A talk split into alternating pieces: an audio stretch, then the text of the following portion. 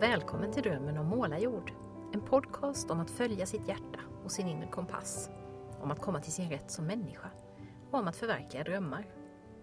Jag heter Maria Estling Wannestål och i podden möter jag personer som brinner för olika saker. Som vågar lyssna inåt och känna efter vad som är viktigt för dem. Jag inspireras av deras berättelser och tankar och det hoppas jag att du också ska göra. Den här gången är min gäst Linda Wikström som driver Veda-yoga i min hemstad Växjö. Sedan några månader i samarbete med Idrottskliniken som jobbar med massa olika former av träning och rehab. Linda är inte den första yogaläraren i podden, men hon berättar om sin livsresa. Om hur yogan kom in i hennes liv och blev hennes stora passion. Och det är precis så det är. Alla har sin egen resa, sina upplevelser, sitt perspektiv. På yogan och livet i allmänhet. Samtalet som vi spelade in i en av de fina nya salarna i Lindas yogastudio kom bland annat att handla om skillnaden mellan yoga på riktigt och bilden av yoga. Om sökandet efter sammanhang. Om varje människas inneboende passion. Om tillit inför att det man längtar efter kan bli verklighet utan att man själv styr varje steg i processen. Och så om att även yogalärare faktiskt är alldeles vanliga människor. Skönt att höra, eller hur? Jag vill passa på att be om ursäkt för att ljudkvaliteten i den här poddintervjun inte är den allra bästa. Precis som i förra avsnittet med Stina Gray. Det är någonting som har hänt med min poddmikrofon. Så efter 75 inspelade avsnitt verkar det börja bli dags att uppdatera instrumentparken. Men jag hoppas att det här inte ska påverka din upplevelse allt för mycket. Varmt välkommen att lyssna.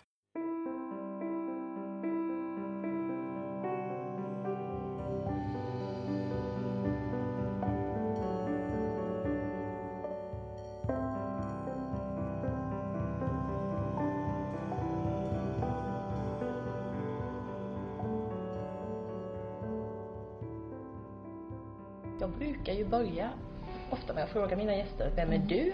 För Mm. att de som lyssnar ska få en liten bild utifrån den personen. Och då blir många väldigt stressade Ja. och tycker att, åh vad jobbigt, vem är jag? Det vet ju inte jag och det är ju andra Ja. bättre på att säga och Ja. jag kan säga om andra så. Men då tänkte jag, vem är du just idag? Kan du känna Mm. efter liksom? Vem är Linda den här måndagen? Ja. Var ännu värre. Idag är jag väl en lite lätt stressad småbarnsförälder faktiskt. Som jag ska åka iväg på en semesterresa imorgon. Ah. Ska fira min svärfar. Mm. Eh, Så det är lite som måste fixas inför denna resa. Och så var det min yogakollega slut i, eller vad säger jag, sjuk idag. Så då måste jag hoppa in och köra lite extra Ah. klasser. Och eh, eftersom jag är borta en vecka då Mm. från min liksom, verksamhet så måste man ju styra upp lite saker som ska fixas här och sen direkt när jag kommer hem så har jag det här eh, yogamaratonet till Cancerrehabfonden. Mm.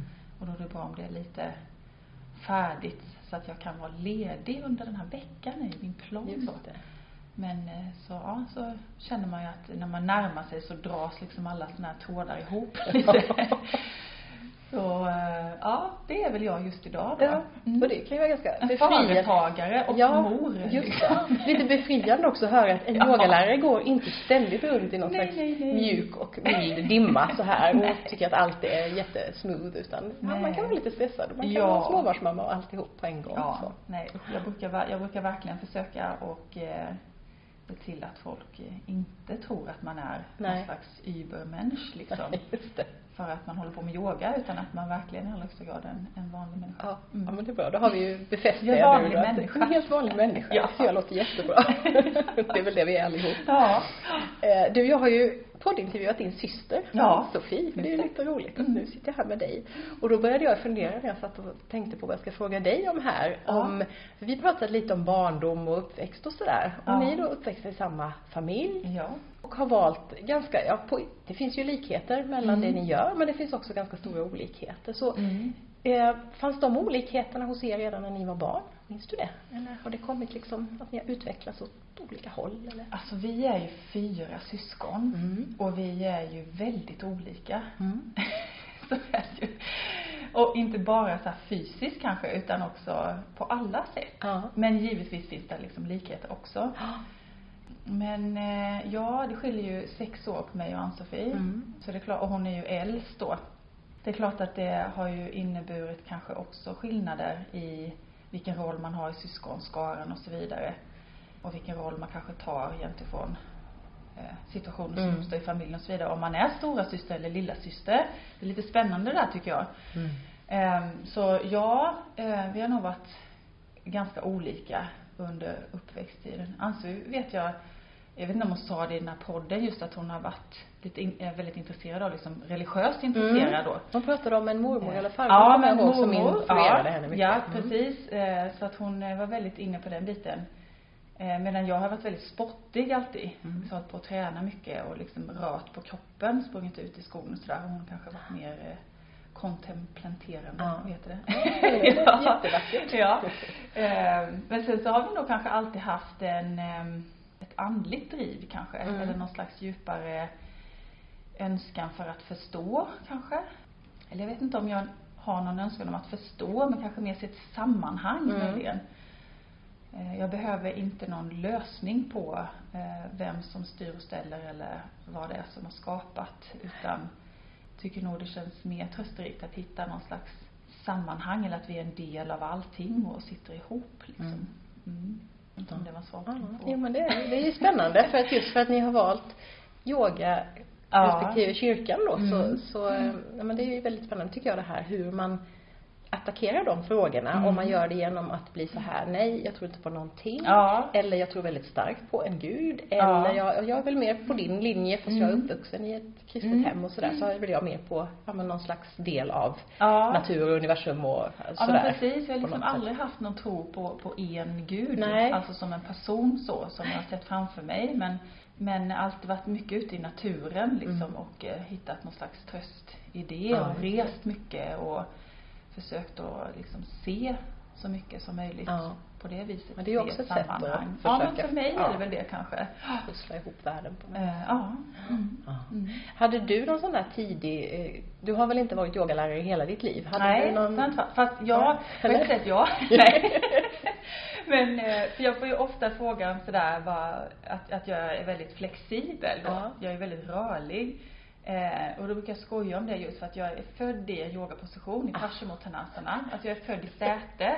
Så att jag kommer liksom ut i, i framåtfällning. Yes, det är klart att du bara hå- håller kvar vid den då. Liksom aldrig- Så att eh, jag brukar skoja om det just att, eh, nej men eh, ni ska inte, behöver inte göra som jag för att jag är lite onormal i mitt rörelsemönster. Ja. Så, ja.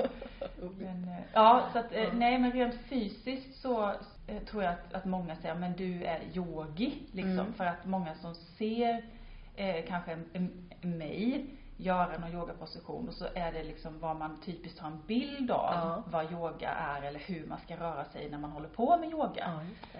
Och det där får, jag tror de flesta av oss som är yogalärare eller instruktörer eller vad man vill kalla sig, jobba emot.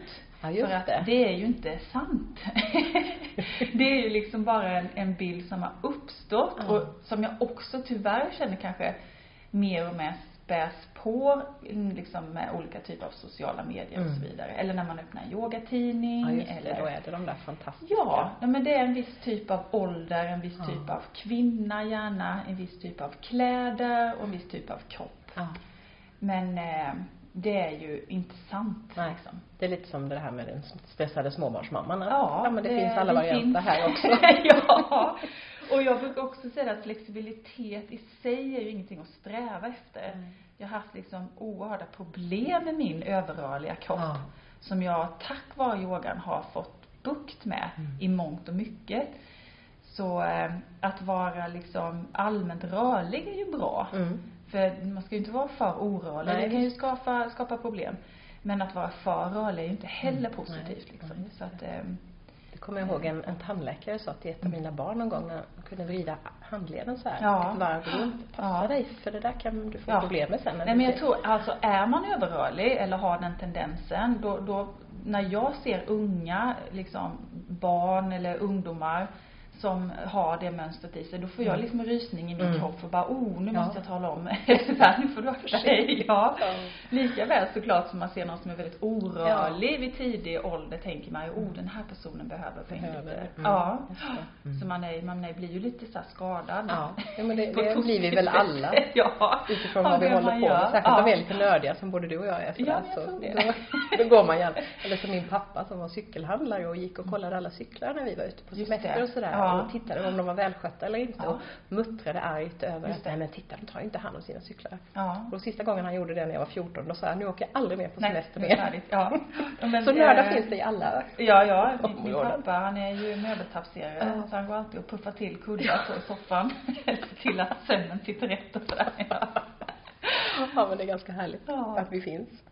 Men hade du liksom, hade du någon känsla för vad du ville göra när du var barn och ung och sådär? Hade du någon sån här yrkesdröm eller någonting? Du ville? Eh, ja. Sport och allt det här då? eller? Ja, det hade jag. Då, men då, jag ville bli lärare. Mm. Jag tyckte att eh, jag hade några fantastiska lärare på grundskolan som jag tyckte var underbara och eh, jag kände att jag jättegärna ville undervisa någonting. Mm. Jag har alltid tyckt språk var väldigt fantastiskt kul. Så när jag blev äldre eh, så tänkte jag att, men åh, jag vill undervisa i språk. Ja. Sen hade jag nog någon eh, sväng också att jag skulle vilja bli polis. Ja. men eh, nej, Nej. så blev det inte. Nej. nej. Det blev det här istället. Ja, det blev det här Ja. istället. Och när kom, när blev yogan liksom din då? När hittade du den? Mm, ja, men jag höll ju på och, och idrotta mycket och sen så la jag av kring år 2000. Och då så hade vi fått liksom slutet på min karriär eller vad man ska säga. Så hade vi fått prova på lite olika typer av sporter. För du hade hållit på med, var det Ja, jag simmade konstsim. Konstsim ja, precis. Mm, då, och, då, just och det gjorde jag liksom på ja, men elitnivå faktiskt. Mm. Så då var vi ute och tävlade mycket och tränade och sådär. Och så fick vi prova på olika sådana här em, vi hade Olympic camps och sånt där. Att man fick Mm. prova på lite andra sporter och alla sommar-OS-grenar och eh, provade på olika former av kompletterande träning eh, för vår idrott liksom. Mm. att det skulle bli bättre så. Och då provade vi mycket mental träning med Lars-Erik Unestål. Mm. Alla de här banden kan jag utantill.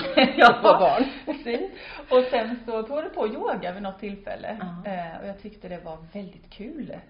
Och sen så hade jag ju, alltså rent fysiskt så var det ju typ vad jag har gjort. Mm. Fast på land och Ja. jag fick andas samtidigt. Just det. Ja, ja, ja. Så jag kände igen mig liksom hade en grund i, redan där. Ja men jag hade på något sätt någon grund i det, den fysiska delen av yogan som tilltalade mig jättemycket. Ja.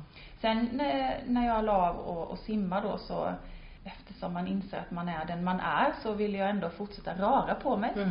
Och då hamnade jag in på någon yogaklass som jag blev väldigt inspirerad av och kände att det här vill jag fortsätta med. Mm. Och då började jag fördjupa mig i vad yoga egentligen var. Så jag kände att det var ju något mer än det här Ja, att böja mig och vända mig och vrida rörelsen. mig liksom. Nej, så lätt ska det inte vara. och sen när jag började lära, lä, liksom läsa mer om yoga eh, så hamnade jag in på det här med ayurveda också då, Mm. som liksom är eh, en indisk filosofi, varav yogan är en del kan Ja. man säga. Och då började jag läsa lite mer om det och sen så fick jag ju nästan så här panik för jag kände, men oj, det här är ju så stort. Ja. Och det här är så mycket. Och jag började förstå att det här kommer jag nog aldrig kunna greppa. Just det. Så då tror jag att jag struntar i det. Ja. så blev jag då. Så jag bara, nej, nej, men kan jag inte lära mig allt? Nej, Då, det kan jag lika gärna lägga av. Ja. Ja. Sen jobbade jag lite mer själv då, med mig själv och yogade vidare och insåg att, men så kan jag ju inte tänka. Nej. Utan jag kan ju lära mig lite mer. Mm. Och sen kanske jag kan eh, landa i det. Och det kanske kan räcka. Eh, ja, Ja. så på den vägen var, Ja. vägen var det. Ja. Var det självklart just ashtangan? För det är ju den du har jobbat mest Ja, med va? den har vi jobbat Var det direkt med. liksom att det var den som blev Eh, kärleken? ja, det var det faktiskt. Mm. Det var faktiskt ashtanga som, som liksom först fångade mitt intresse. Och jag tror att det var lite för Ja, men i konstnären så jobbar man ju mycket med takt. Mm. Så här, att Just det. simmar ju liksom till musik. Ja, och Ja. flöde och att liksom en sak hänger ihop med den andra. Eh, och jag, jag gillade den formen av, av liksom takt eller ram kring Mm. yogan som var, ja men först är vi det här och sen är vi det här och sen är vi det och att det blev som en, en rutin jag kunde lära mig Ja. liksom och, och göra på egen hand. Så det var det jag, jag landade i. Sen när jag, när jag gick min första så här yogalärarutbildning, då var det en hatta yogalärarutbildning Mm. som, som jag fastnade för. Som sen liksom gav mig en god grund och sen så fortsatte jag fördjupa mig mer i ashtanga-yogan. Ja. Efter det. Ja. Jag tycker det är lite roligt för jag har ju haft några yogalärare i Ja. den här podden. Just eh. Som förresten blev utsedd till, det var jättekonstigt, den blev utsedd till eh, en av de bästa yogapoddarna. Woho! Och då hade jag haft en enda yogalärare. Då hade jag Ja. haft Kina Persson som ju håller på med kundalini som inte finns hos oss längre. Nej.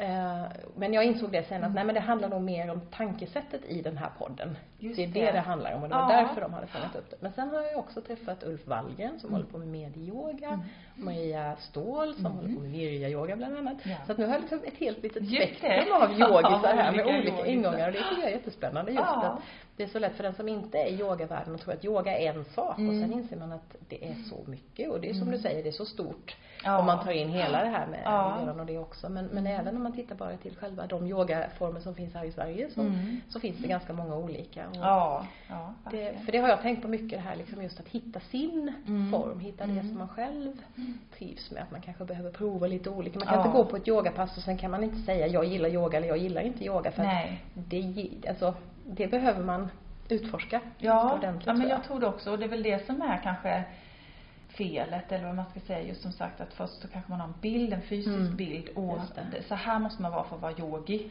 liksom och så den här åldern och det vi pratade om innan. Ja. Eh, och, eller så går man på en yogklass och så, och så tänker man oj, går det så här fort? Ja. Eller åh nej, är det så här långsamt och Ja, tråkigt? det. Alltså, Precis. för det kan ju vara allt däremellan. Verkligen. Eh, att man måste hitta, precis som du säger, det som passar Mm. en själv. Där man är just nu i livet Ja, också. ja, det Mm. Vad också. är det man behöver och Precis. längtar efter? Ja, och något som jag, som liksom när jag verkligen blev kär i yogan på riktigt, för jag har hållit på yoga sedan jag var barn. Vi hade eh, så här mamma barnyoga, jag och min mamma och Mm. Syster. Det var jätteroligt med Ja. här bok från 70-talet i Ja. snygga trikåer och så. Ja. och sen gick jag på gravidyoga med mitt, ett av mina barn tror jag. ja. Men när jag, när jag verkligen började älska yogan, det var ju när jag insåg att jag inte måste nödvändigtvis utvecklas och bli så mycket bättre. Nej, För nej. det är någon sån där felaktig bild jag har gått med hela livet. Ja men man måste bli bättre. Mm. Hunden måste bli snyggare, V-formation på. Mm. Man måste kunna böja sig, och på tal om det här med rörlighet och Ja. sådär. Och sen en dag så bara gick det upp för mig att, nej men vem yogar jag för? Ja. Vad är det som säger att jag måste bli bättre på detta? Mm. Och då verkligen Och kunde vad jag är känna, bättre? och vad är bättre? Ja. Vad är det som säger att det ena är bättre än det andra? Så just det här Mm. att släppa på prestationskraven fullkomligt och bara känna att det här är bara min stund. Mm. Och för mig är ju yoga väldigt mycket meditation också. Det är att liksom sti- stanna upp en stund och vara Ja. stilla. Och jag kan vara väldigt, jag behöver inte alls göra några avancerade rörelser. Sen kan Mm. jag tycka det är kul att gå på ett pass med, med, med flödande yoga också. Men Mm.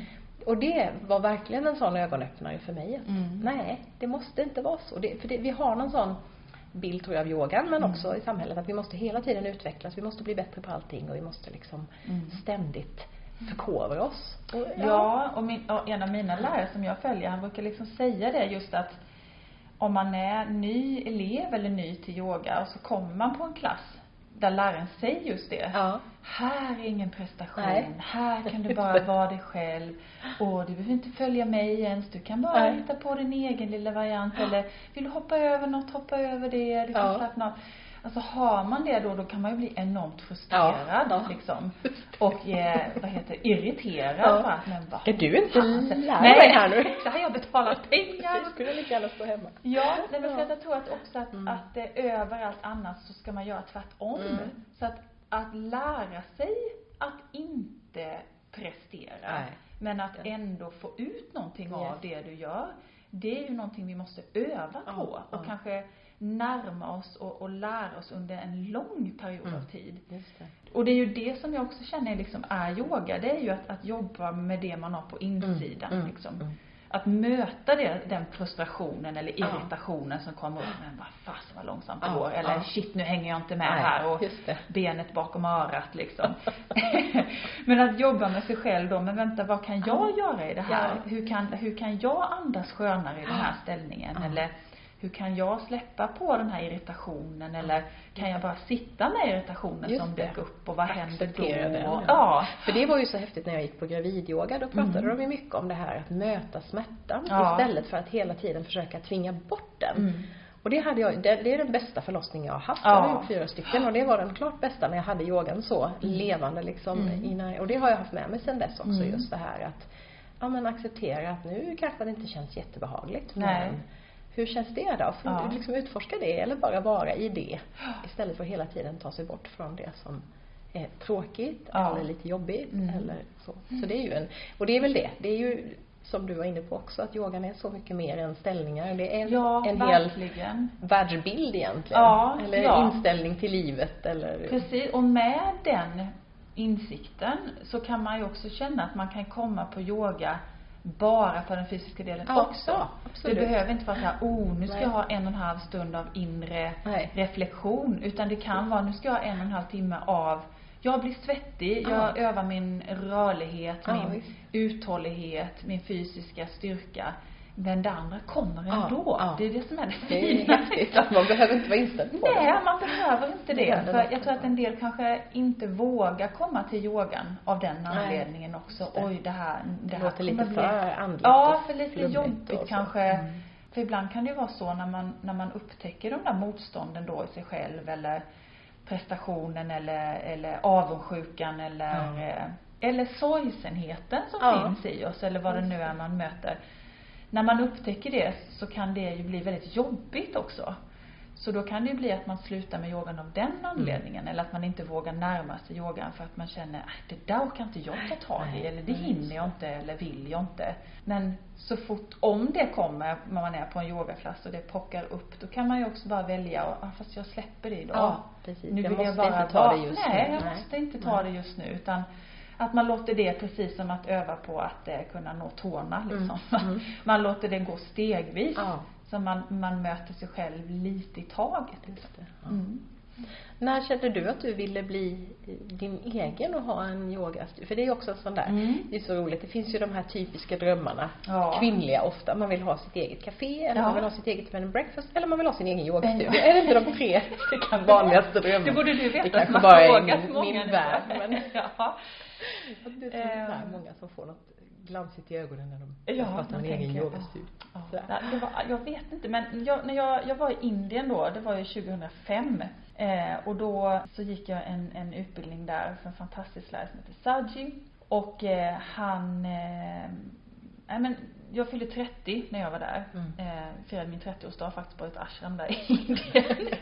och jag kände, ja men jag kände väldigt starkt så att det är det här jag ska göra Mm. liksom. Sen visste jag inte riktigt vilken form och hur. Men jag, det var liksom så här, det låter ju löjligt men det var så här, jag är satt på den här planeten Ja. för att på något sätt göra det här på något sätt. Mm. Eh, och det kändes väldigt eh, starkt liksom. Så, och, och då hade vi varit ute och rest en längre eh, resa. Så det var precis i sluttampen på, på vår resa, jag och min man. Mm. Så vi hade varit ute i tre år och rest runt Oj. lite här var. Och sen så kom vi tillbaka till Växjö. Och då kände jag, men på något sätt så vill jag jobba med det här. Och liksom dela med mig av yogan på något vis. Och letade runt lite. Jag jobbade på ett annat yogaställe ett tag och jobbade lite på, men på simhallen tror jag också. Mm. En period efter, för jag hade gjort det innan. Men sen så kände jag att jag, att jag, jag var inte riktigt sann i det sättet jag ville dela med mig av yogan på. Under den ramen där jag befann mig liksom. Mm. Jag kände att jag ville nog göra det lite annorlunda. Och så hittade jag ingenstans där jag kunde göra det för då fanns det inga Nej, andra det var ju ställen. helt, nu finns det ju hur många som Ja. helst men då fanns ju inte Nej, ett enda då yogaställe. fanns det inte Nej. ett enda yogaställe förutom liksom den gymmet som jag var på då. Där jag kände och sen kom de här från skandinaviska yoga Ja, och, de och hade kom kurser, för precis. de gick Ja, jag ju för då. just det, de Eh, hade, Gravidyoga ja. bland annat. Mm. Men så kände jag att, att jag, hittade liksom ingenstans där jag kände att, att det, på det viset som jag ville göra det. Och då var det med att, nej men då får jag väl, ja då får jag väl öppna eget. Så det var liksom inte så här, oh jag måste öppna utan det var snarare så här, ja då får jag väl göra det på annat. ja, lite så var det faktiskt. Ja. Ehm, men eh, det gick ju fint. Ja, det gjorde ju det. Nu Ja. sitter vi här i en fantastisk lokal. ja. Ja. Men var det, för vi, jag pratade just med någon kompis häromdagen om Mm. det här med egenföretagande. Mm. Eh, För du startade ju eget. Ja, det gjorde jag. Och Att man ju ofta hör en massa success stories och det har Mm. gått så bra och det har varit så, så eller det är så bra. Man, man Mm. hör inte alltid om hindren på vägen. Hur var det för dig? Nej. Har du liksom haft, har det varit trögt? Har det varit jobbigt någon gång eller har du ångrat dig? Och Nej, jag har aldrig ångrat mig. Nej. Det kan jag säga att det har jag absolut aldrig gjort. Eh, men det är klart att det var jädrigt kämpigt liksom. Mm. För vi hade varit ute utomlands så länge så att vi hade liksom inte direkt någon a-kassa Nej. eller något så. Jag, jag kommer ihåg att jag fick ett starta eget bidrag som var 5000 kronor i månaden i ett halvår. Men det räckte ju inte ens till att betala min hyra Nej. i min lokal och det skulle ju liksom betala kanske min hyra där jag bodde, Ja, min mat och mitt liv i stort. Och liksom allt som att innebär att hyra Ja. en lokal liksom och sådär. Men ehm, jag gick aldrig back faktiskt. Jag, men jag blev inte speciellt rik heller, Nej. kan jag inte påstå. Nej. Hade tur att ha en sambo som vi kunde dela på, på alla kostnader Mm. och sådär. Nej men jag, och, och Maria som jag har varit här också Mm. var ju min kollega under många år. Just det. Så vi, eh, det var ju också skönt att sen, för först gjorde jag ju allt då. Mm. Så jobbade jag ju liksom varje helg och varje kväll och, och sen var jag ju inte bara yogalärare utan då hade jag ju också eh, jag är massageterapeut också, Ja. så jag hade massage och sen ayurvedisk rådgivare Ja, då. Så att det var ju många av dygnets timmar som gick åt att bara fysiskt finnas på plats och, och liksom utöva de här tjänsterna. Ja. Men också tiden då att driva själva företaget med att liksom marknadsföra eller bokföra och ditten och datten. Mm. Ja men då är man ju verkligen, har man alla de Ja, ja men precis. Så att det var, det var väldigt mycket tid. Och sen så, ehm, sen blev jag gravid 2009 och då började jag trappa ner lite på just det här med att ge massage och med de ayurvedis, den ayurvediska biten. Sen fick jag hjälp, eh, så jag var mammaledig. Det gick. Ja, jag kunde vara mammaledig och, eh, men samtidigt så, så jag drev ju företaget men Ja. rent fysiskt höll jag inte så mycket klasser i början då. Och sen så smög jag liksom tillbaka mig själv. Så det gick, men det var, det har ju inte varit så här eh, så att man, när man tjänar jättemycket pengar, Nej. gör man inte. Men, men eh, jag har ändå känt mig oerhört lyckligt lottad att få jobba med det jag verkligen Ja. Har en stor passion för. Och då får man ju så oerhört mycket energi Det är ju det. och kraft. Ja visst, det är därför Ja. jag sitter här Ja. nu. För att jag älskar det här. Ja, Det så och så, roligt. så att jag har liksom aldrig velat backa även när liksom jag fick min, min, mitt andra barn och, och man försöker pussla ihop Mm. Just för att man helt plötsligt då, alltså för jag har ju brukat säga att Veda är mitt första barn. Ja. så, Så har och- egentligen. Ja, så det är mycket tid som liksom läggs på Veda men så nu när man har familj då vill man ju eh, lägga den tiden givetvis med sin familj. Mm. Ja, så visst. då, det är ett pussel att försöka få ihop lagom tid Ja. här och lagom tid där och också tid för min egen Ja, praktisering ja och min det är ju det också. utveckling. Hinna och- med. För det var Mm. någon jag lyssnade på som sa just det att nej, jag ångrar att jag blev yogalärare för Ja. jag hinner inte yoga själv längre. Nej. Jag håller bara klasser numera. Ja. Men så, jag har alltid varit faktiskt noga med att Ja. hålla i min, eller min praktisering. Mm. Eh, Jag tycker att det är Också för att det har hjälpt min fysiska kropp så Ja. mycket. Så att jag känner direkt om jag inte yogar så får jag ont. Ja. Ja, det hjälper mig att hålla igång min kropp. Och här inne i mitt huvud Mm, också för mm. den delen. Det hjälper mig och kanske då när man är stressad småbarnsförälder att hitta lugnet. Mm. Och att hitta, nej men vänta nu, nu tar jag mig själv på för stort allvar Ja. här. Eller herregud, jag är inte så oumbärlig som jag tror Nej, att jag är. Det gör ingenting om jag åker iväg några dagar hit Ja. eller dit. Varken från familjen eller från mitt jobb. Nej, utan de alla överlever utan Ja, mig. konstigt nog så snurrar jorden ändå. av- Ja, det, och, Det är ju och, sådana insikter ja. man får emellanåt ja. Ja, och också viktigt. att man känner att när, när jag är med familjen, då är jag där. Ja. Och när jag är här, då försöker jag att inte känna, oh nu skulle jag gjort det här och det här. Utan det. då är jag här liksom. Vara Mm. på Och när jag är på min matta och yogar för mig, då gör jag det för mig. Mm. Och försöker inte tänka, oh det här ska jag använda hit Just det, dit", nu ska jag tänka ut ett pass Ja, samtidigt. nej, utan nej. då försöker jag verkligen bara yoga för min Mm. skull. Ja, det låter ju härligt. Mm. Och, det och jag, så jag åker ju och träffar mina lärare Ja, regelbundet just det, av så den du får, anledningen. ja precis, du får inputen också Ja, där. absolut. det. Och du har dina gurus och Ja, inspiratörer det och har jag. sådär. Ja. Finns de här i Sverige eller behöver du åka iväg? Nej, det gör de inte. Nej, nej. Tyvärr. Men de kommer ju De kommer hit. hit ja. det. Så det är ju lärare som jag eh, har träffat under flera år som, som ju reser runt i eh, världen och Mm. håller olika workshops och så. Mm. Ja. Så att då haff, brukar jag haffa dem när de är i närheten. Ja. Typ Oslo Passa eller på. Köpenhamn Ja, eller så. Som inte är för långt bort. Ja. Och så bjuder jag hit dem såklart Ja, också. Så de, de har ju varit flera gånger här. Mm.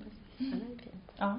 Men du, var det, alltså när du, när du drog igång det, var det svårt Mm. att nå ut och, eller var det så att det fanns ingen annanstans och det var, du hade liksom röda mattan ut till alla i- som Alltså längtade röda efter mattan yoga? vet du tusan om det har varit.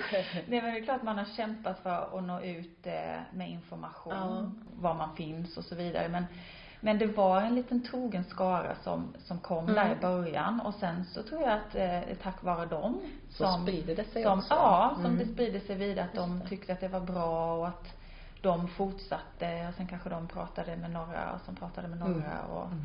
och så tror jag det är ändå än idag Ja. liksom att den bästa eh, marknadsföringen är ju liksom nöjda och glada elever. Ja, just ja som tycker Har du, det- just det. Men har du känt av, för nu finns det ju betydligt Mm. fler Ja. ställen här, men det Mm. finns väl också ett större intresse? Ja, så att det, ja. det har inte Ja. blivit så att, ja men nu är det lite svårare för att det finns så många andra utan snarare Nej men jag tycker inte det. Sen, men det är klart att man kan känna eh, liksom av att det är konkurrens. Mm. Liksom att det finns olika eh, yogalärare liksom. Mm. Men samtidigt så kan man ju absolut inte se det som konkurrens.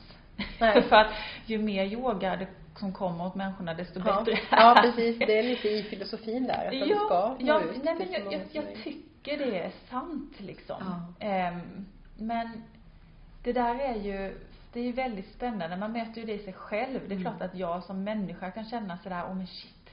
Eh, nu får jag skärpa mig här. Så att kommer tillbaka hit liksom. Ehm, men det hoppas man ju ändå att människor som går hit och som vill komma till, till mig som lärare, att de gör det för att de uppskattar den yogan de får av mig. Just Och, och då är jag, vill jag ju vara lika ödmjuk tillbaka till den som går till någon annan lärare. Mm.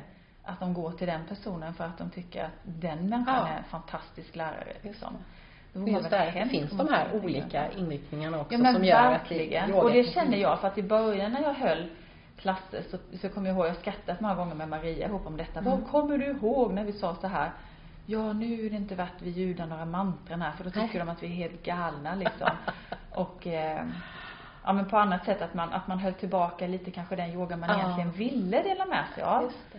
Så, och det kan jag nog känna att jag idag är mer sann i den yogan jag verkligen vill dela med mig av. Mm. Tack vare att det finns så många andra som Ja. håller så många olika typer av yoga. Att jag då verkligen kan landa tillbaka i, nej men här så, så delar vi med oss av den här yogan. Mm. Och känner du att den går för snabbt eller för långsamt eller känns för tråkig eller för Mm. galen eller vad det nu kan Mm. vara. Ja men då finns det så många andra ställen som du också kan vända dig och Ja. prova hur den yogan känns för dig och landa i det. Sen tycker jag att jag upptäckte att människor eh, beter sig annorlunda.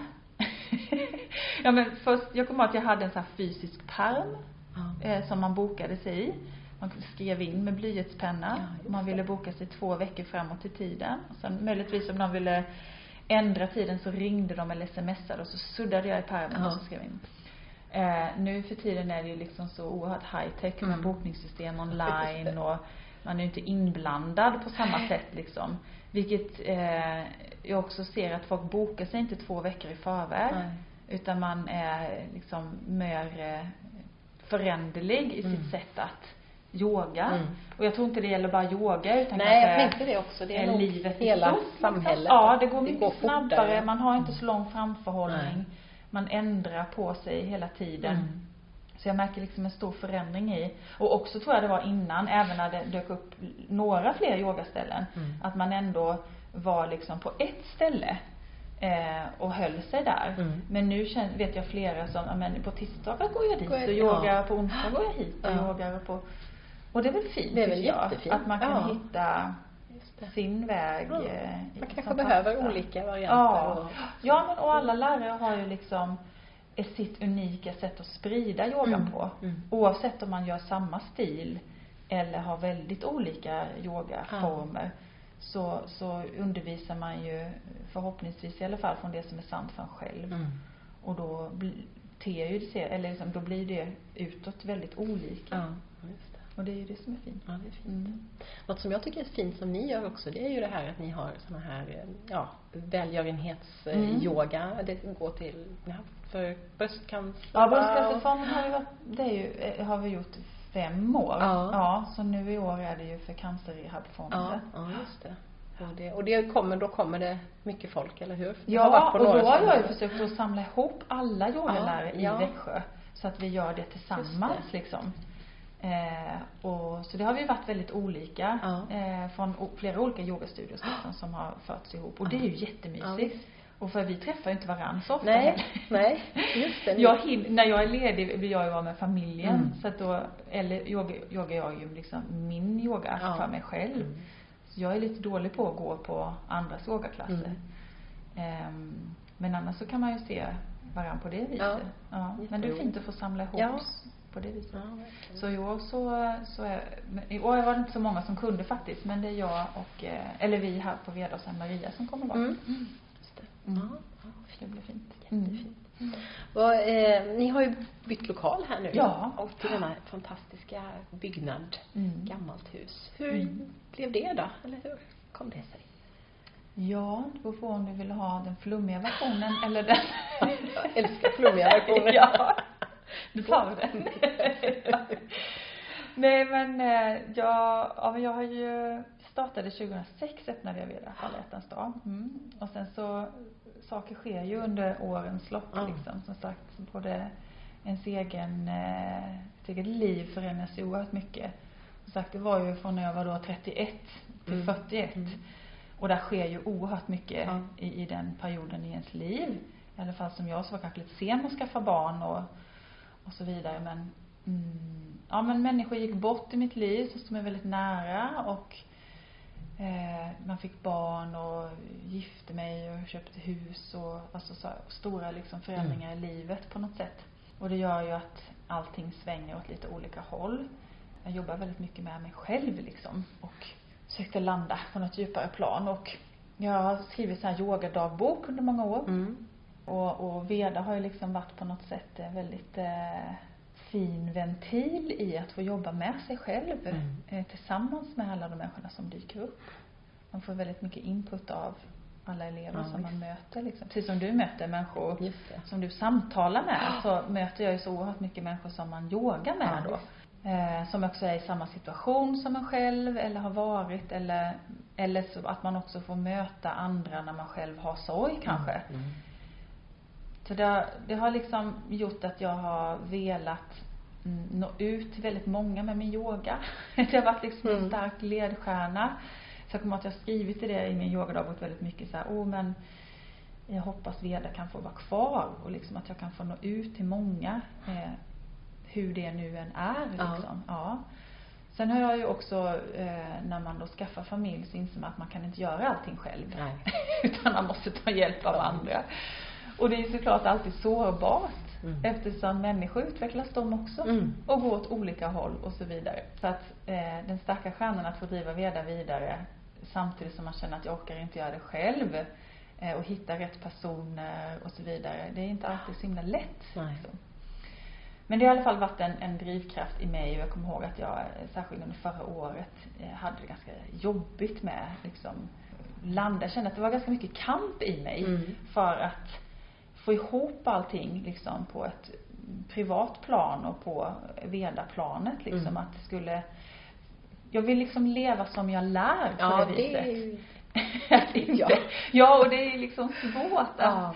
att jag vill också kunna känna att jag går till mitt jobb och känner harmoni och lugn och inte känner mig Mm. stressad över att jag måste jaga människor för att komma Mm. eller jaga människor som vill jobba med mig för den delen Mm. eller eh, jaga på olika sätt utan jag vill känna att, att eh, ja men det flyter på liksom. Mm. Och det gör det givetvis inte i alla aspekter av ens liv.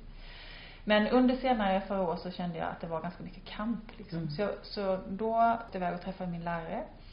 Och så jobbade jag ganska djupt med det och kom till insikten av såklart att det här, så här kan jag inte hålla på. Nej.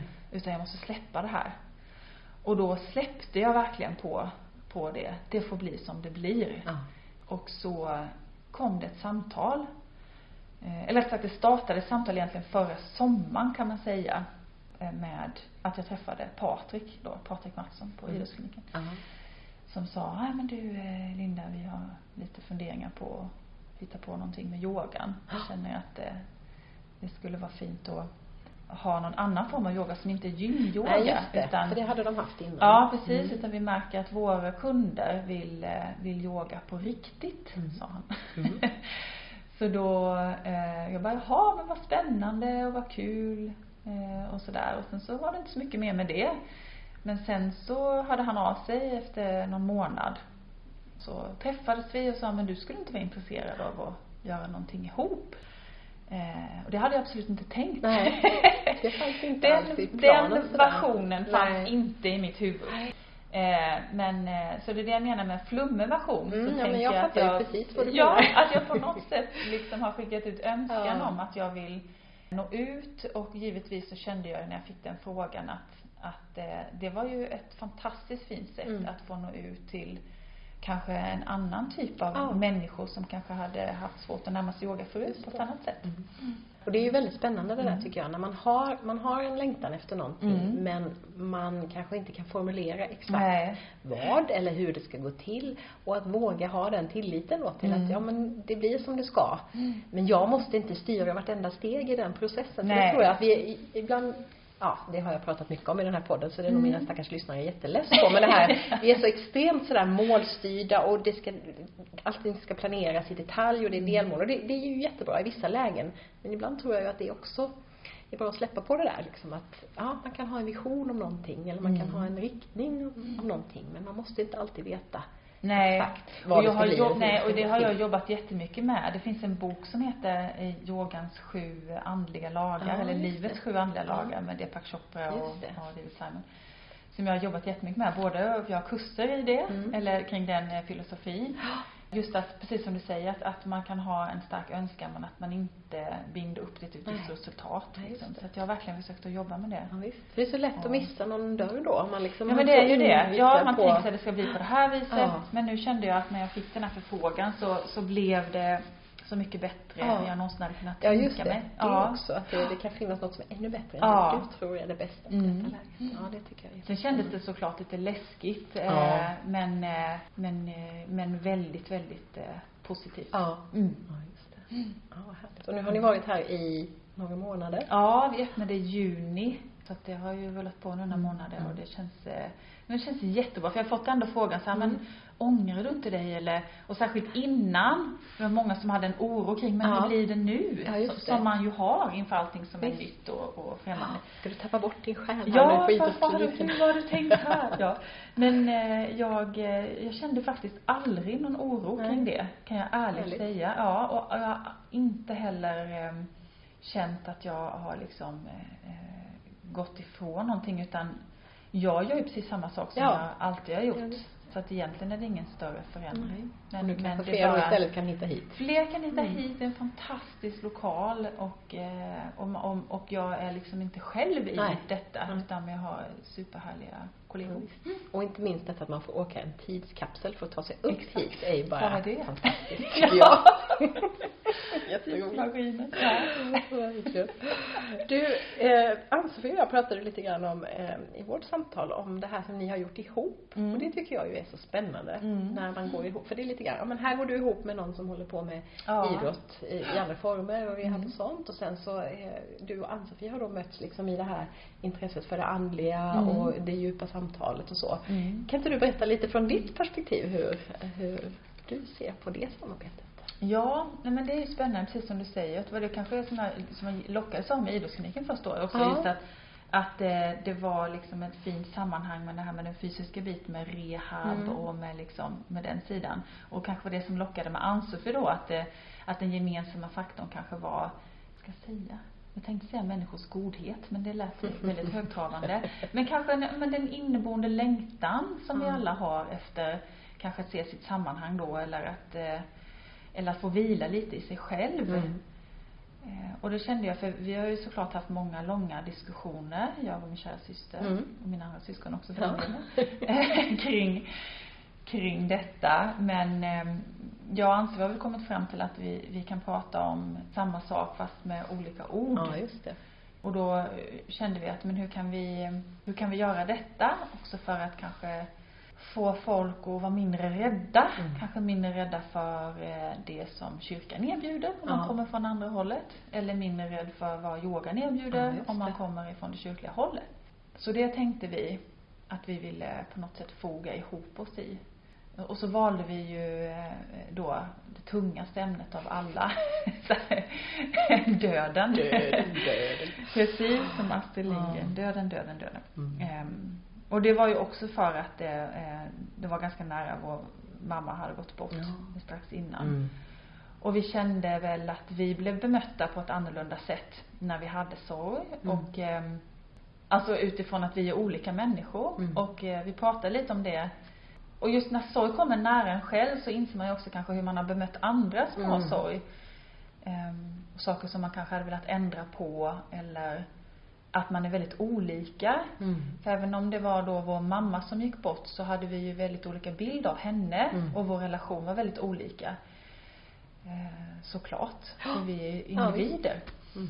Och därför så tänkte vi att det här är ju intressant och hur kan vi eh, jobba med det här i oss själva och hur kan man kanske hjälpa andra som har varit med om en liknande situation Mm. eller någonting som känns som döden. Alltså ett tufft av, s- avslut eller ett tufft besked eller Ja. eh, sådär. Skilsmässor. Ja, det finns mycket som, som Ja. väcker samma egentligen Ja. sorgkänslor kanske. Ja, så tanken med det var absolut inte att komma till något liksom svar eller någon lösning utan mer att, att vi är olika och vi ser olika på det här och Mm. hur kan man kanske hitta en tröst och hur kan vi också genom att se varandra få tröst i att, att eh, vi bär på samma smärta eller inte samma smärta men vi bär på smärta allihopa.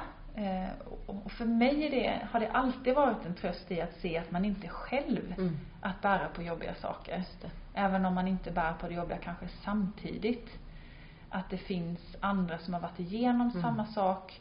Eh, och för mig har det alltid varit en tröst. ehm, att känna det och se Mm. det. Och, och det, det tror jag att Ann-Sofie kände också. Som vi då kunde samla en hop av människor Mm. som var öppna för att antingen sitta och lyssna eller själva dela med sig och prata. Så kanske det kan hjälpa någon Mm. att komma vidare ur det som de jobbar med. Just det. Mm. Ja, jag det är jättefint initiativ. Och just det här att gå in i det med olika perspektiv är ju Ja.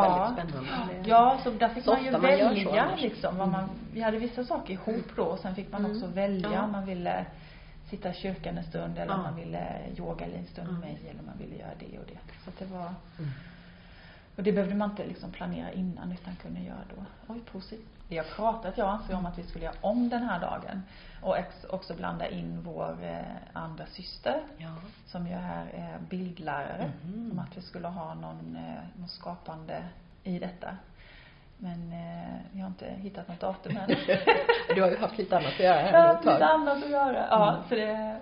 Men det är jättehäftigt och det är väldigt roligt. Jag har också jobbat ihop med familjemedlemmar, framförallt min nästa dotter. Vi har skrivit Mm, barnböcker ihop och vi, Ja. har, vi översätter böcker ihop. Och det är ju häftigt att Ja. ha den där Mm. relationen också liksom. Jag, jag har ju känner att det har ju fördjupat vår privata relation också att ha en professionell relation. Sen vet jag att det kan vara struligt och det kan knöla till det på många håll men i vårt fall tycker jag det har varit ett sätt att lära känna varandra Ja, det är ännu jättehäftigt tycker jag att se, att se någon man är nära på i, i sin profession. Ja.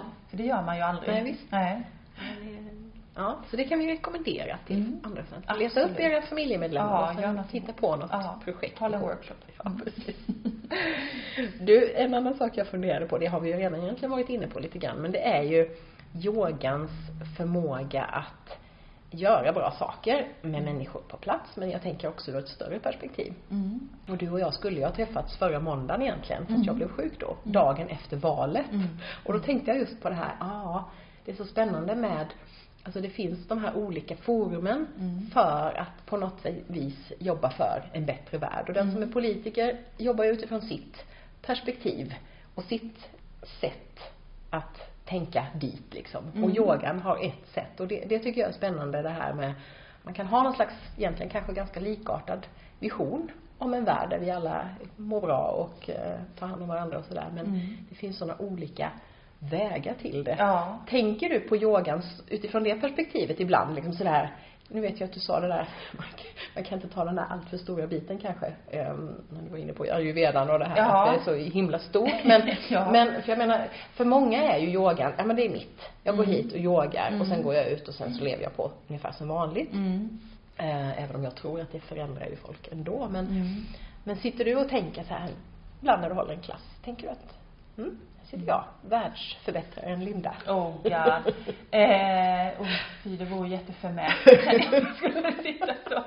Eh, Vi har så här två, de, två, två svar i det här. Ja. Så nu kanske jag tappar tråden men på mig att jag, har, att jag har två svar. Men, nej men absolut gör jag det på ett sätt därför att i var, inte i varje klass, det beror på lite vilken typ av yogaklass jag håller, men i ashtanga-yogan så avslutar man varje klass med ett mantra. Ja. Och i det mantrat så är det precis det man gör. Mm. Alltså, mantrat har en djupare betydelse men en kort liksom förklaring till det är att man vill skicka en vibration då, Mm. ljudet av mantrat om lycka och välgång till liksom all världens ledare och till nära och kära och liksom till sig själv. Så att man kan om man vill innan man ljudar det själv landa i vart man vill skicka den vibrationen. Mm. Om man vill skicka den ut till något större, om det är till, till exempel någon viss organisation eller någon viss område eller något visst land eller vad det kan vara. Eller till planeten eller universum. Ja. Eller till en viss person som man kanske känner som går igenom någonting väldigt jobbigt. Eh, eller till sig själv om man behöver stöd. Så Mm. det gör vi varje gång liksom. Det gör jag varje gång jag Mm. yogar. Att man landar i den. Eh, Och förhoppningsvis så, så em, tänker jag ju också alltid att om man jobbar med sig själv på yogamattan och möter det man jobbar med. För jag känner ju att liksom det vi möter privat på yogamattan när vi är på mattan. Alltså motstånd kanske, ah, Mm. nu, nu blir jag arg på mig själv eller eller vad som dyker upp i sitt huvud, de här tankarna som kanske bandspelaren som Mm. matas på där inne när man börjar jobba med sig själv på det sättet och upptäcka de sakerna som man kanske vanligtvis bara köttar Ja, igenom det. liksom. Men om man landar på mattan, ger sig själv tid för eh, reflektion, tid för att upptäcka, men herregud, vänster sida gör ju jätteont eller Mm. oj vad jag känner mig stressad i den här eller vilken prestation som dök upp här nu att jag ska göra som hon som sitter bredvid Ja. eller vad det nu är som dyker upp. Alltså om, om vi börjar jobba med det och se det, då tänker jag att då, då gör vi ju det även när vi kliver av yogamattan. Mm. För då har vi ju börjat liksom en process på något vis. Och sen så upprepar vi det Mm. kontinuerligt förhoppningsvis flera dagar i veckan. det är ju visionen. Att vi gör yoga regelbundet liksom. Och då när vi börjar jobba med oss själva så sprider det automatiskt ringar på Mm, vattnet mm. till de som vi kanske lever med eller så kanske vi säger du jag har upptäckt något fantastiskt, Mm. yogan gör att jag känner mig Mm. så här, kom med mig. Ja, just det. Och så kanske det vandrar Precis. vidare in i en annan person Mm. Eh, och så kanske man börjar jobba med politik. Mm. Just man med sig Ja.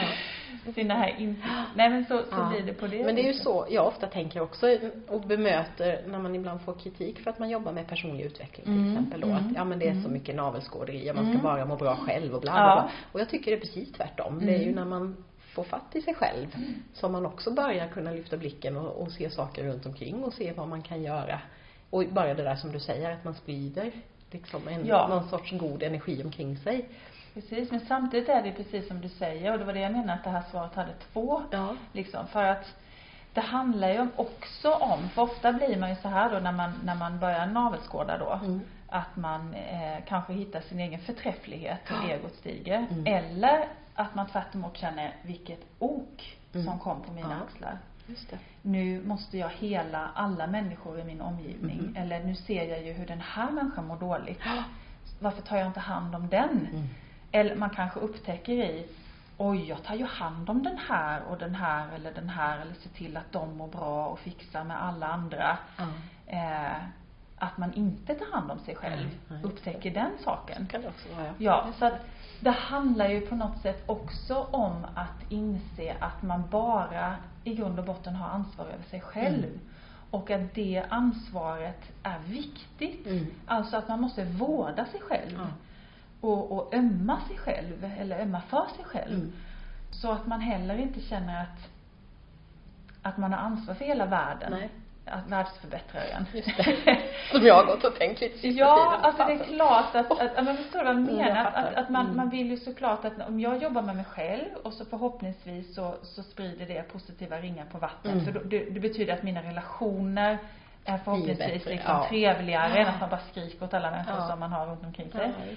Eh, och då, då kan jag bidra på det viset Mm. liksom, eller kanske se någon som mår dåligt för att man helt Mm. plötsligt upptäcker, oj hon är ju som jag. Ja. Eller han är ju, upplever det här precis som jag gjorde för en vecka sedan. Och, och, och jag ser det på ett annat sätt när jag börjar jobba med mig själv. Ja. Men att man heller inte kan ta åt sig då, axla Allt. andras Nej. sorg och andras eh, liv. Utan alla har ansvar för sig Mm. själv. Mm.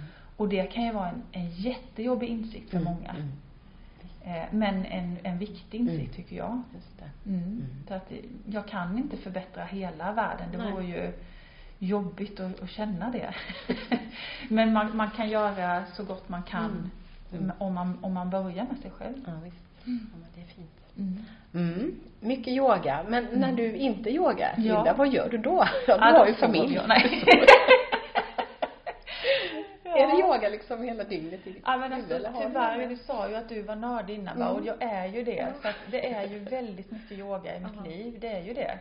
Eh, så att eh, jag, ja, men jag gillar ju att läsa om yoga, jag gillar Mm. att, att, att praktisera yoga och jag gillar att eh, eh, jobba med yoga, Mm. lära ut yoga. Liksom. Ja, så Men du tänker aldrig så här, åh, tänk om jag tröttnar en dag?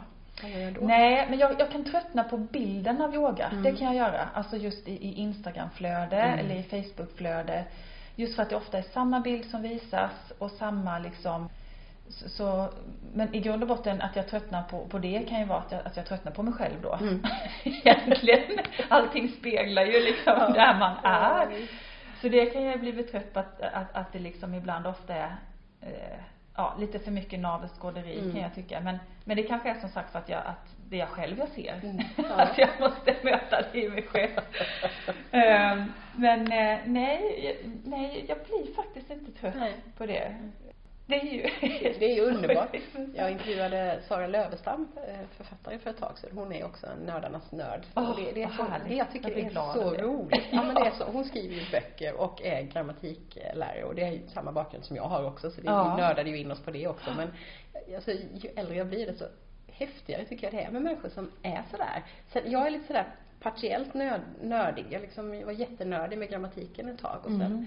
Nu har jag börjat odla och då är jag jättenördig med Just odlandet. det. Jag har Ja. inte en Ja, enda du passion som Nej. jag hela tiden Alltså det som är kanske är passionen då, Ja, nörderiet. ja, att det Nörderiet finns liksom alltid ett nörderi. Det är lite som min Ja. pappa sa. Ja, kärleken består men föremålen växlar. Och lite Ja, så är det. Men sen ja. är det vissa saker som liksom hänger i också. Som yoga och meditation, alltså sånt som har funnits väldigt länge och som, som jag tycker väldigt mycket om. och Vet du, jag, jag var i somras, eller i maj var det nog, så var jag hos han konstnären Lerin, Lerin, Lars Lerin, Lerin, var jag på hans utställning. Och det som slog mig när jag gick där bland alla dessa fantastiska konstverk, Ja. allt från den minsta, minsta bilden till den största tavlan eh, som är minutiöst liksom, mycket tid nedanpå, eller den här lilla skissen bara. Mm. Ja, det. Det var ju vilken enorm inneboende kraft det finns Ja. oss människor. Mm. Alla tänker jag då. Ja, visst. Eh, för att även om han är unik i sitt uttryck så har ju vi alla jag, jag tror i alla fall på att vi besitter alla den då, Ja. som kanske anses vi kallar för gudomligheten i Mm, sig. mm. Att ha eh, alltså den eh, kreativiteten. Mm. Eh, och för mig kanske den kreativiteten då kommer ut i min yoga. Och jag var på Astrid Lindgrens Värld med mina barn för ett tag sedan och såg alla hennes böcker uppradade i, och det, alltså hon har skrivit så mycket böcker. Mm, mm. Eh, jag menar, tänk vilken källa det finns Ja. i oss människor. Ja.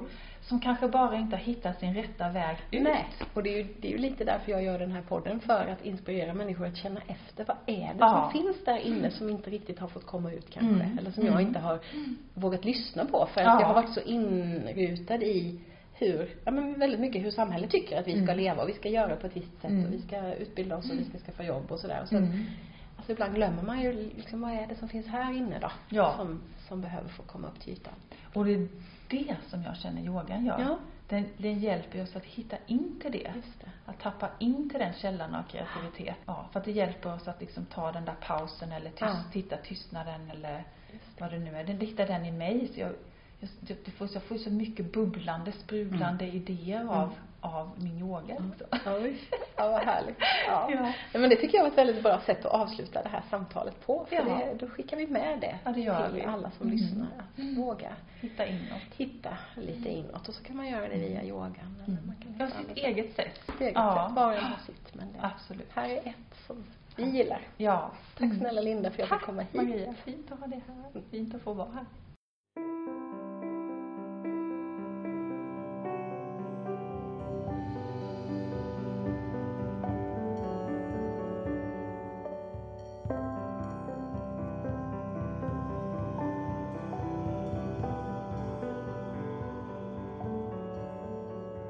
Jag brukar ju träffa Linda i yogasalen då och då, men det var väldigt fint att få sitta ner med henne och prata om yogan och livet i nästan en timme. Om du bor i Växjötrakten eller har vägarna förbi världens i mitt tycke absolut bästa stad och är yogasugen, kika in på vedayoga.se. I en av mina samtalscirklar pratade vi häromdagen om det där med våra rutiner. Vad som blir av och inte och när vi har lättast att få sånt där som vi tycker om att göra och som vi vet är bra för oss att bli av. Som yoga och meditation. Några av mina vänner i cirkeln upplevde att det var svårare att få till de där rutinerna under semestern. Kanske just för att allt blir så fritt från andra rutiner då. Men jag känner ofta det motsatta. Det där långa soliga sommarlovet så yogade jag på altanen nästan varje morgon. Ett fantastiskt fint sätt att starta dagen på. Ofta mediterade jag på altanen i kvällsskymningen efter att jag klarat av dagens pass med vattenkannan. Som jag pratade om med Linda har jag ju många passioner och de slåss som för så många av oss om utrymmet i mina 24 timmars dygn. Just därför tycker jag att det är svårare att få till det när vardagen är tillbaka och mitt eget utrymme krymper. Jag vill ju hinna jobba med allt det där roliga jag håller på med och vara mycket med barnen och odla och träna, yoga, meditera. Och så virkar mina meditationskuddar förstås. Just nu har jag avslutat nummer 38. Så ja, det har blivit lite mindre yogat sedan skolan och jobbet började i augusti. Men jag gör vad jag kan när jag hinner. Och försöker att inte ha dåligt samvete när det inte blir av. Det är inte för någon annan än mig själv jag gör det här. Och en liten stunds meditation blir det oftast i alla fall, både morgon och kväll.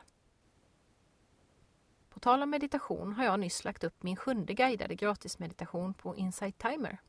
Den heter Meditation vid ett tänt ljus och bjuder in dig att hämta det just du behöver, just nu, i ljusets låga. Jag hoppas att någon av er kan ha glädje av den. På Insight Timer hittar du också mina andra meditationer. Den inre kompassen, Följ ditt andetag, Längtan en musikmeditation, En resa till din framtid, Meditation för tröst och hopp och så den mest populära av dem alla, Dags att sova. För en tid sedan berättade en vän till mig att hon för första gången på väldigt länge hade somnat utan sömntabletter sedan hon lyssnat på den meditationen. Vilket förstås gjorde mig oerhört glad. Poddavsnittet med Linda klippte jag under min tåg och bussresa hem efter en liten utflykt till Sollefteå, där jag var och höll föredrag om min roman på biblioteket. Som många av er säkert vet har jag bestämt mig för att jag har flugit tillräckligt i mitt liv, i alla fall så länge det inte finns något klimatsmart sätt att göra det på. Så därför förflyttar jag mig med andra transportmedel, även en relativt lång sträcka som denna. 12 timmar och sex byten blev det. Men allt flöt på bra, jag kom hem i tid och jag kunde jobba en massa längs vägen. Samtidigt som jag fick se så mycket mer av vårt vackra land i septembersolen jämfört med om jag hade flugit. Att dra ner på flygandet är en av de saker jag skriver om i mitt senaste inlägg på Drömmen om målarjordsbloggen. Det blev den längsta texten i bloggens historia och där har jag försökt samla ihop dels alla mina argument för att var och en av oss gör skillnad genom våra val. Dels det mesta jag kunde komma på som jag själv har gjort och gör för att försöka minska mitt ekologiska fotavtryck. Jag hoppas att det inspirerar många att tänja lite mer på gränserna i sina liv och framförallt att upptäcka att man kan ha ett minst lika bra liv som omställare. Om du orkar läsa och tycker att inlägget är någonting att ha får du hemskt gärna dela det så fler kan få inspiration. Och du som är nyfiken på vad det här med omställning till ett mer hållbart liv kan innebära kanske vill lyssna på några av mina tidigare poddsamtal med omställare. Som det med den internationella omställningsrörelsens grundare Rob Hopkins, avsnitt 55. Amanda Martling, avsnitt 40. Erik Malm, avsnitt 58. Eller Johan Granbom, avsnitt 70. Förra året var jag med och arrangerade den stora nationella omställningskonferensen hemma i Växjö. Det var då jag fick möjlighet att träffa Rob Hopkins. Och nu är det snart dags igen. Den här gången hålls konferensen i Malmö den 6-7 oktober och det ska bli riktigt härligt att åka dit och bara vara vanlig deltagare, inte arrangör. Kanske jag får träffa några av er där. Hör gärna av dig om du ska dit så att vi kan säga hej till varandra. I blogginlägget jag nämnde tipsar jag bland annat om en programserie på SVT som jag tycker är ett riktigt inre kompassprogram. Och framförallt i avsnitt 2 och 3 pratas det en hel del om hållbarhet. Det heter Kalles och Brittas sexliv Alltså inte sexliv som mina barn trodde. Och handlar om hur Kalle och Britta Zackari ifrågasätter det sätt som de och många andra lever på. Det ständiga ekorrhjulet med för lite tid för det som är viktigt. De besöker sex olika platser för att möta människor som lever på andra sätt än de flesta av oss. Och de ställer många intressanta frågor som jag tror att vi alla kan ha glädje av att fundera över. Jag skulle också vilja passa på att berätta om en nyhet här i podden. Efter tio år på Språktidningen, där jag svarade på språkbruksfrågor om engelska, har jag hoppat av den sista lilla resten från mina många år som språkforskare. Men det där med att vrida och vända på frågor tycker jag är kul. Så nu tänker jag göra det här på Drömmen om målarjord istället. Du som lyssnar på podden är helt enkelt välkommen att ställa en fråga om vad som helst som har med poddens tema att göra. Till min hjälp i svarspanelen har jag två av mina närmaste vänner, Sara Norby Wallin och Lisa Moreus, som båda har varit gäster i podden. Sara vid flera tillfällen. Så varmt välkommen att skicka in en fråga. Du kan göra det på Facebook eller via mail till maria.innerkompass.nu. Och så till sist. På sistone har jag rensat ordentligt i mina digitala kanaler. Det innebär bland annat att jag har lagt ner en skrivblogg och en webbplats och stängt flera Facebook-konton som har spelat ut sin roll. Jag håller också på att lägga ner Drömmen om målarjords Instagramkonto, men du får hemskt gärna följa mitt personliga konto där jag heter Maria Estvan och berättar om livet i målarjord, familjen, odlandet, yogan och meditationen, skrivandet, virkandet och poddandet. Hoppas vi ses där. Tusen tack för att du har tagit dig tid och lyssnat idag och varmt välkommen tillbaka.